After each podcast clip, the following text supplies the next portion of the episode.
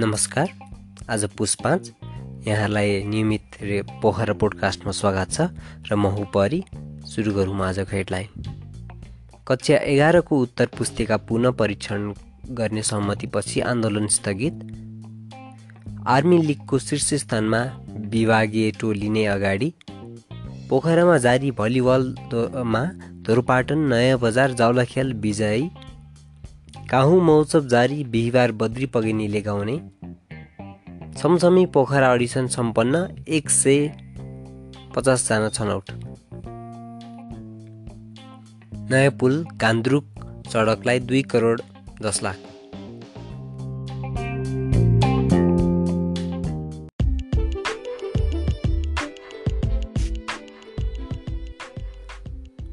कक्षा एघारको उत्तर पुस्तिका पुनः परीक्षण गर्न सहमति भएपछि पोखरामा आन्दोलन गरेका विद्यार्थीले स्थग आन्दोलन स्थगित गरेका छन्।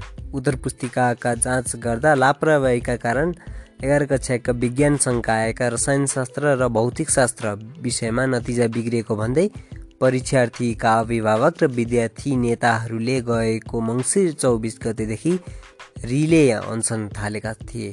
उनीहरूले नतिजा सच्याउन र पुनः पुस्तक जाँच गर्न माग गर्दै लामो समय अनसन बसेपछि परीक्षा बोर्डले पुनः परीक्षण गर्ने सहमति गरेको हो।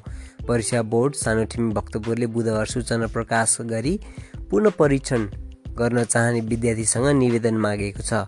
पुनः योगबाट पनि नतिजा चित्त नबुझेकोलाई विद्यार्थीले उत्तर पुस्तिका पनि परीक्षणको निवेदन दिन पन्ध्र दिनको म्याद दिइएको छ। परीक्षा बोर्डले निकालेको सूचनामा भनिएको छ सम्बन्धित विद्यार्थीले प्रक्रियाअनुसार आवश्यक शर्त पुरा गरी प्रति विषय दुई हजार रुपियाँ शुल्कसहित निवेदन दिनुहुन अनुरोध छ। त्रिभुवन आर्मी क्लब पोखरामा जारी चौथो आरभिभी एनभिए राष्ट्रिय पुरुष लिग भलिबल प्रतियोगिताको शीर्ष स्थानमा उक्लिएको छ। आर्मी विरुद्धको खेल हेल्प नेपाल अनुपस्थिति भएपछि स्वत तिन अङ्क पाउँदै आर्मीले शीर्ष स्थानमा उक्लिएको हो। सशस्त्र प्रहरीले विरुद्धको प्रहरी विरुद्धको चौथो दिनको खेलमा भारतीय नयाँ खेलाडीसहित कोर्ट प्रवेश गरेपछि सशस्त्रले परिचय पत्र माग गरेपछि उत्पन्न विवादकै कारण हेल्प नेपाल पाँचौँ दिन बिहिबार नेपाल सेनाको त्रिभुवन आर्मी क्लब विरुद्ध खेलमा उपस्थित जनाएनन्।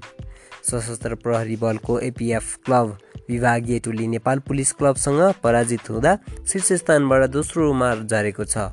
सशस्त्र प्रहरीलाई पराजित गर्दै नेपाल पुलिस क्लबले अङ्क तालिकामा तेह्र अङ्क जोड्दै तेस्रो स्थानमा छ। सशस्त्र प्रहरी बलले चौध अङ्कसहित दोस्रोमा रहँदा त्रिभुवन आर्मीको पन्ध्र अङ्कसहित शीर्ष स्थानमा छ। पुलिसले सशस्त्रलाई तिन एकको सेटमा हरायो। पोखरामा जारी राष्ट्रिय पुरुष लिग भलिबल प्रतियोगितामा धोरपाटन नयाँ बजार जाउलाहेल विजय भएका छन्। बिहिबार पोखरा रङ्गशालाको भलिबल खेल मैदानमा भएको खेल धोरपाटन र नयाँ बजारले विजय भएका छन् भने जलाहेलले वाक ओभर पाउँदै विजय भएको छन्। हेल्प नेपाल खेल्न आएपछि जलहेल विजय हुँदै तिन अङ्क पाएको छ। त्यसै गरी अर्को खेलमा धोरपाटनले जलहेललाई हराउँदै तिन अङ्क पाएको छ। धोरपाटनले जलहेललाई एक तिन एकको सेटमा हरायो।